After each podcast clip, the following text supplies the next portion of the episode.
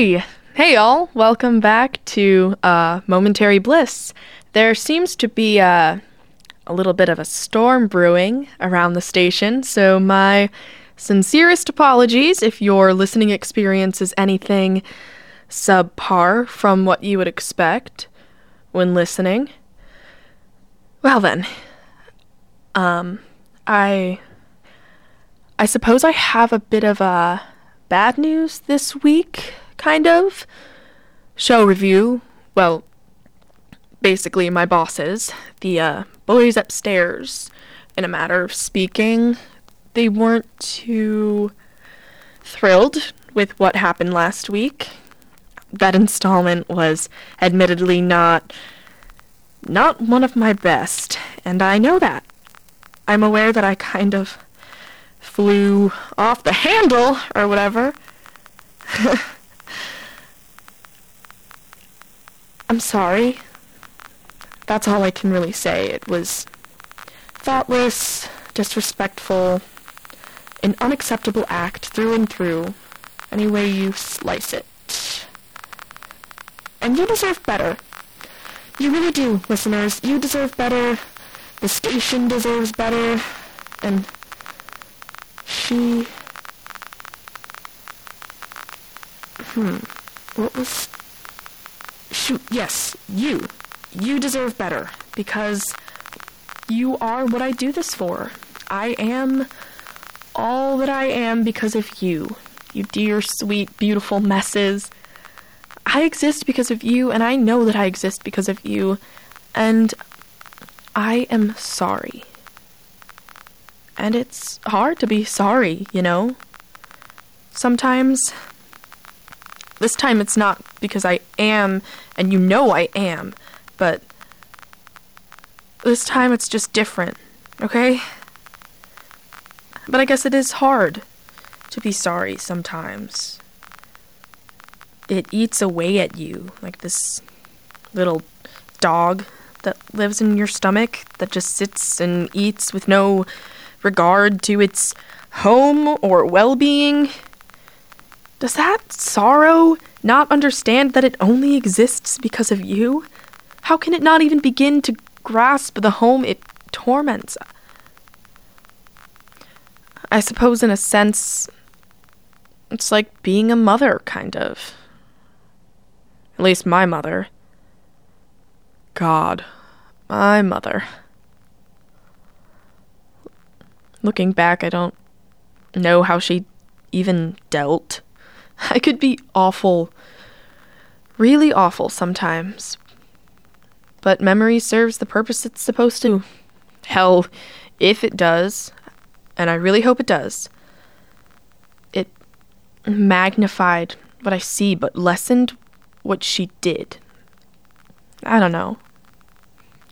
The truth must exist in some sort of nebulous middle.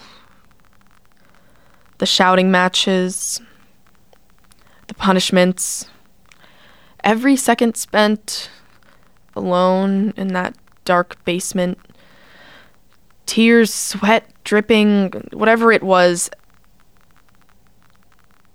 it probably wasn't as bad as I remember it. And I bet it probably doesn't hurt as much for her anymore. Twin Rivers. I remember dropping her off. She always told me she wanted to go to a place like that, a home. Didn't want to trouble anyone. But she always brought it up all the time, she told me, ever since I was little. I'm convinced the only thing she hated more than being a burden was being forgotten. So, you know, when my dad split, that was like the last straw for her.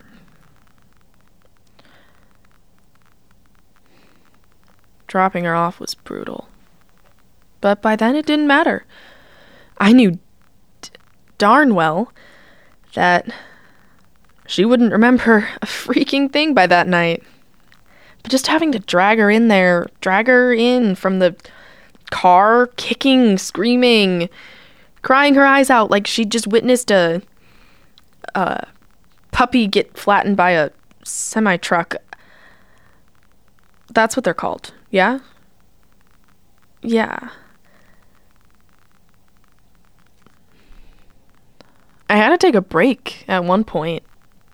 I couldn't anymore. I took her back to the car just to sit, breathe, cry my eyes out. And she's just sitting there in the back. She always had to be in the back. And I guess this was one of her more lucid states because she just stares at me. Any anger, hysteria, fear, all of it gone. And she's staring at me, crying, and just says, I always knew I should have had another kid, because I knew you'd be too afraid to do this. After that, she just goes in. Part of me wanted her to cry again, but I don't think she's cried. Since the first time, I mean. You know, when I was a kid, all the time, all the time, I wished I could see her cry like I had. Just once. Guess I didn't have the stomach for it in the end. And I guess it made me realize how much of a stone cold bitch she was.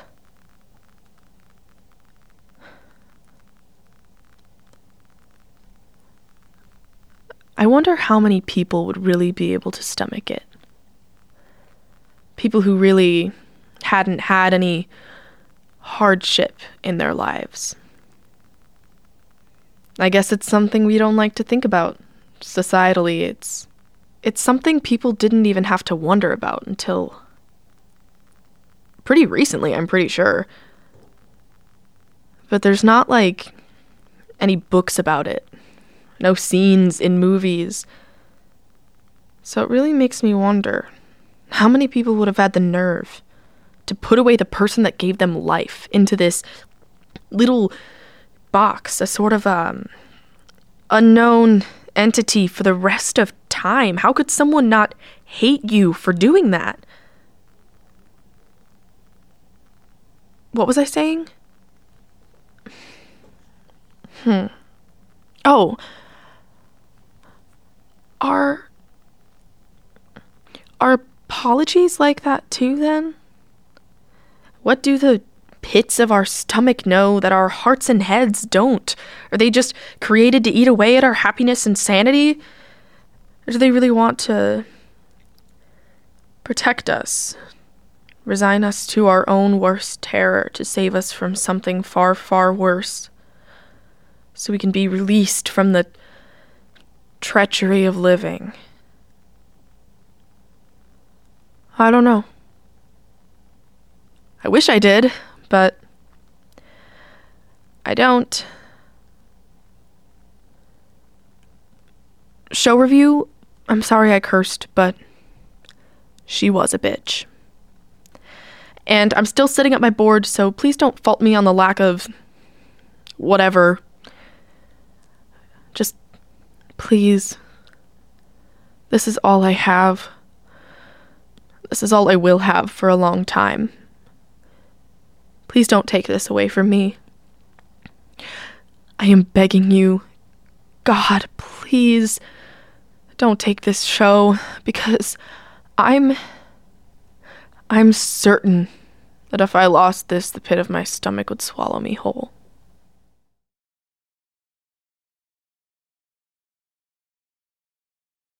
Life could be a dream. Shaboom, if I could take you up and Shaboom, and tell me, darling, I'm the only one that you love. Life could be a dream.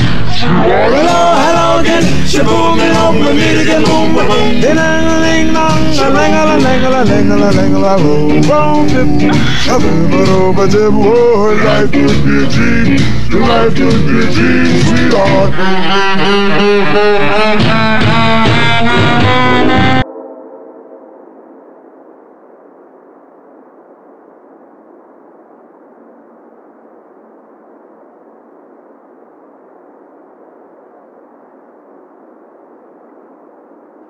What? I just thought I. Nothing. I thought someone was coming. No, got it. Sorry. No, no, totally. You're good. Come here. Mm. I like this. Me too. You're warm. Why are you so warm?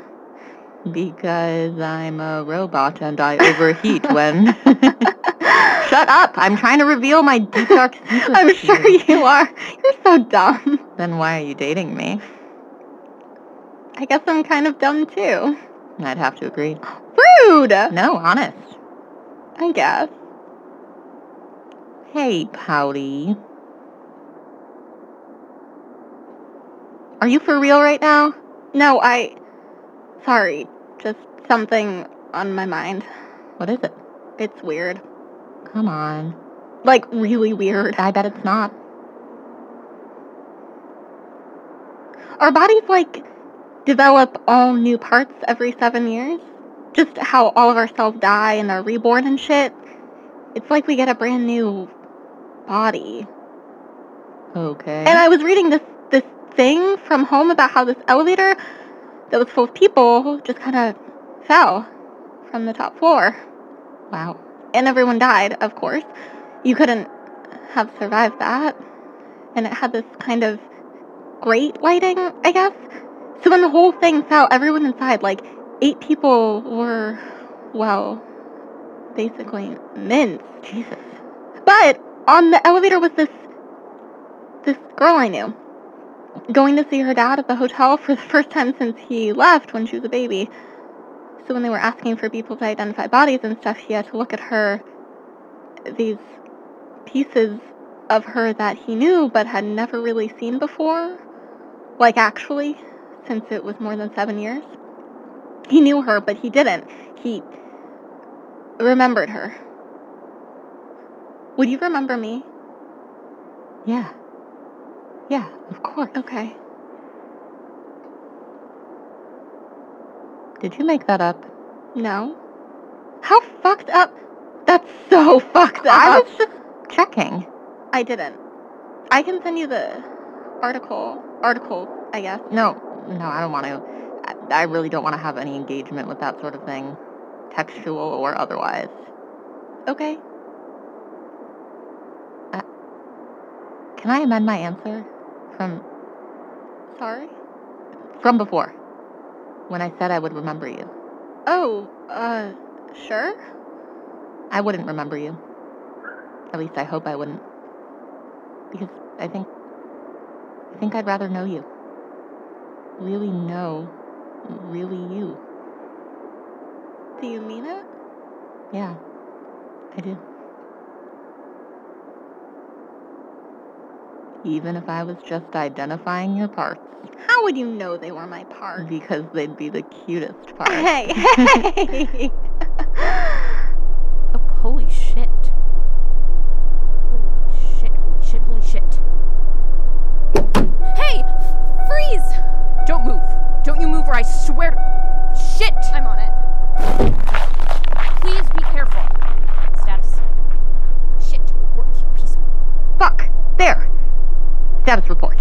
Report. 0314 hours. Individual closely, uh, immensely resembling the suspect originally seen on the night of the incident approached the scene of the crime. When confronted, the individual fled with speed that rivaled the winter wind itself. This, coupled with the fact that the individual was never presented with any indication of prior wrongdoing by operatives, leads me to the conclusion that this individual is a suspect, and may even be, dare I say, our prime suspect. The individual appeared to be a Caucasian male, six foot uh, three with a slight frame, blonde hair, long gait. An insatiable hunger seemed to emanate from his very being. Eye color was not determined.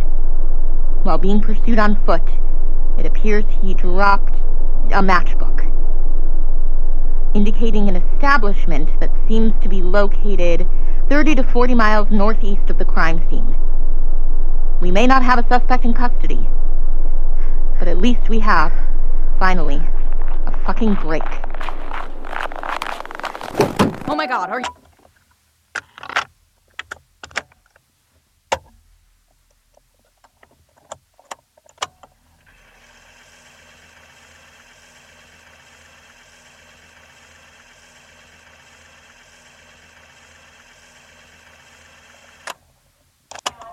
Yes, well, we have a few minutes.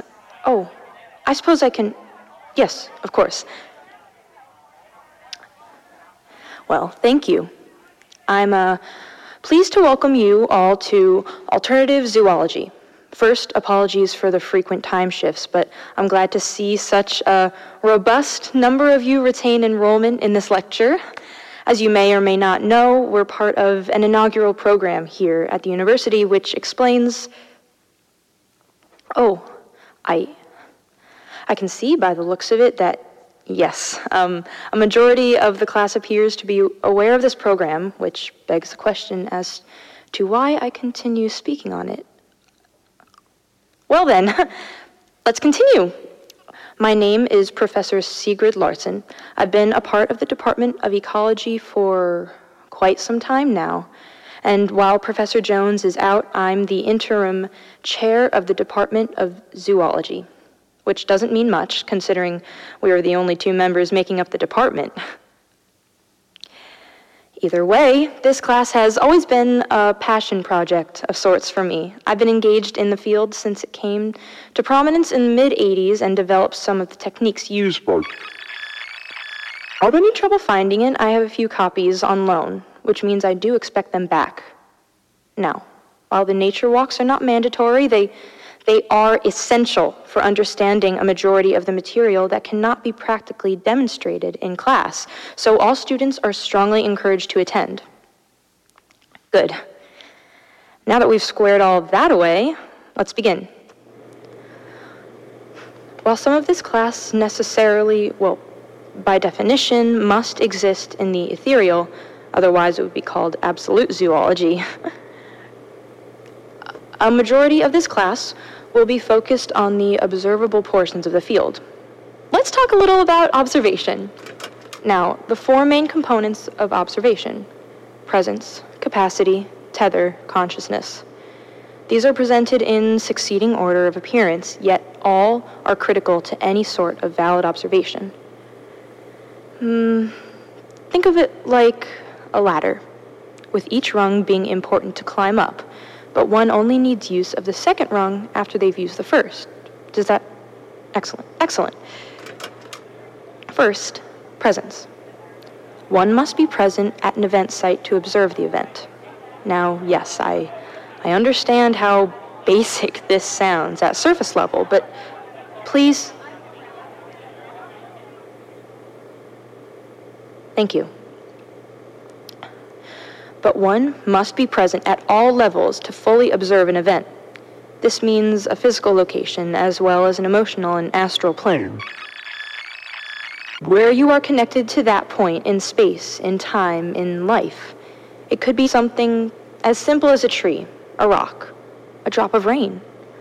I wouldn't recommend that though, seeing as the drop you are observing then and there could contain a small part of another tether previously observed simply due to the nature of the water cycle. Understood? Good. And finally, we reach the top rung consciousness. The main difference between this point and the others we've discussed is that there's, there's no real litmus test for it. How can one put one's own consciousness to the test? By an act of observation. And that act can only be fully validated through Yes, a confirmation of one's own consciousness. Which brings us to the freshman philosopher's favorite argument there is no way to prove that we are not all just brains floating in vats in some laboratory. That you, specifically, are not just a brain, having consciousness remotely forced upon you. And while there is no real rebuttal for such an argument, it is still a poor one. Does this make life not all the more worth living? How can the reality of one's consciousness validate life any more or less? This shows us whether natural or manufactured consciousness is equally important. Yet, in either state, observable action can be tainted, most specifically by memory. As seen in the tether example, memory is somewhat of a fickle mistress, if you'll allow me that small indulgence. Memory distorts the way our consciousness perceives certain events. Hearing words never spoken, seeing things never present, encountering events as they never really occurred. In essence, memory is our only best estimation of a collection of moments, which makes observing anything beyond the moment, the split second in which it occurs, a, a real pain in the ass. How can you know anything ever really happened? Some of you might argue, how can that matter when you just made the argument against manufactured reality? How on earth should we be expected to give a damn about our own observations, our own collection of moments, our little brutal lives when presented with the void, the warm, inviting end of all endings, the only real absolute that observation or memory or, or simple tether can never taint? How can we be expected to face the abyss and smile when we know the abyss isn't smiling back? Well, I guess I can't.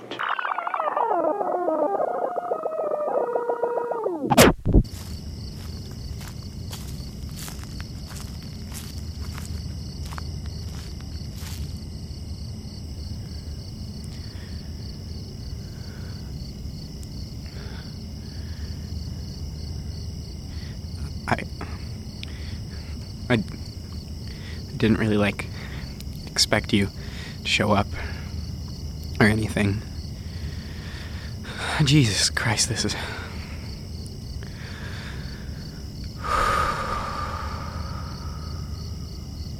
Fuck, you're fine. No, it's fine. You're fine.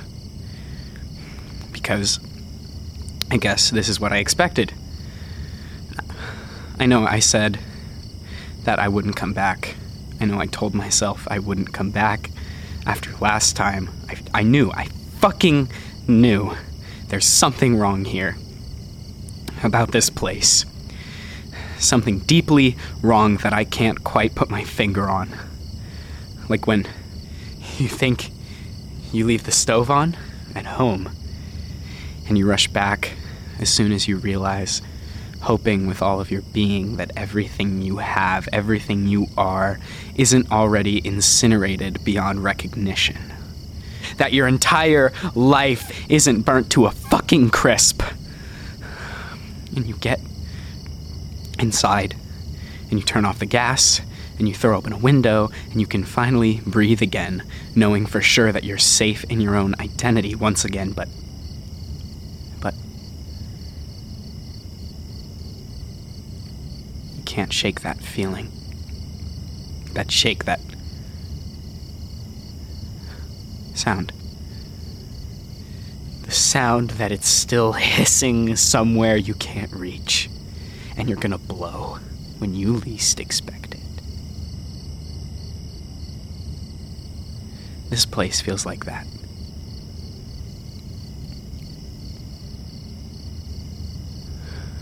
Anyway, I uh I ended up writing something for you. It's been weird around. I'm not alone, but just lonely, I guess. But I did write something for you, and I don't know if you'd like it. It's not really your style, but I'm just gonna read it anyway and pretend it is.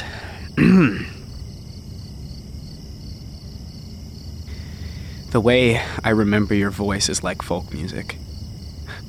I don't really like it, but I can't help but feel entranced by the notes, ensnared by banjo strings and dragged down to the depths of hell by a pale, unsteady tenor register. And once your words have wheedled their way inside the confines of my disparaging mind until they rattle around in the claptrap that sits atop my neck and down by my gullet they slide, where they sit. Just like rocks. And you don't even have the decency, common decency, everyday courtesy, fucking personal responsibility to clean up your little messes that you leave. Little messes like some sort of fucking rodent, little animal that has been left out of nature's own own vision and free from the confines of reason and the shackles of emotion you continue to exist. With your own existence being an act of defiance in the face of God herself, and yet you continue to float just lays about in the river of time, stopping here and there to wet your pink mouth with sweet berries and diseased water, floating with an unsuspecting air of the waterfall just ahead that is your own fucking responsibility. And down you'll tumble, like a drunk who has lost his way, lost on his way to the inn. And you'll curse the names and faces of people you've never met, and you'll shout with a force unparalleled by man or beast or thought. And you'll cry. You'll cry like a child at your own insolence. And I'll be left to clean up after you. Obliterated at the speed of light. Sequestered into. into fucking oblivion.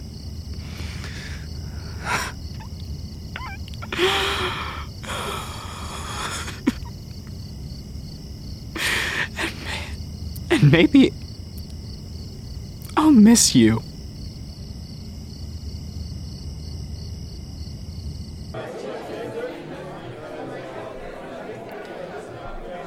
Hold on, hold on. Right, right there. Good. Can, can everyone? uh, Good. Now that we got lighting and all uh, squared away, let's get this started. Well, first, I guess I should address the pressing issue on everyone's minds tonight. We haven't been very good at fulfilling a lot of our promises here at the establishment. And that's on us. I'll, I'll be the first to admit it.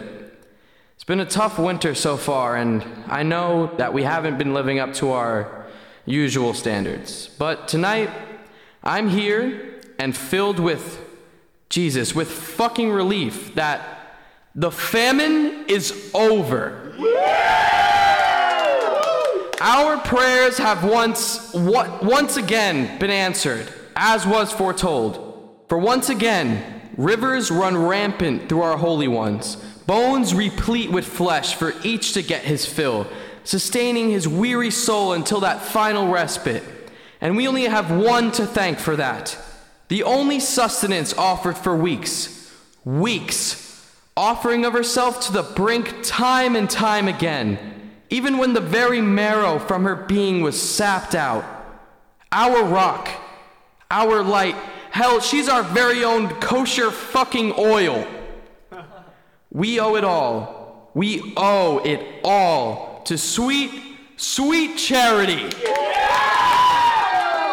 Okay, all right, all right. Everyone's feeling good tonight, but whoa, whoa, whoa. Easy there, boys and girls.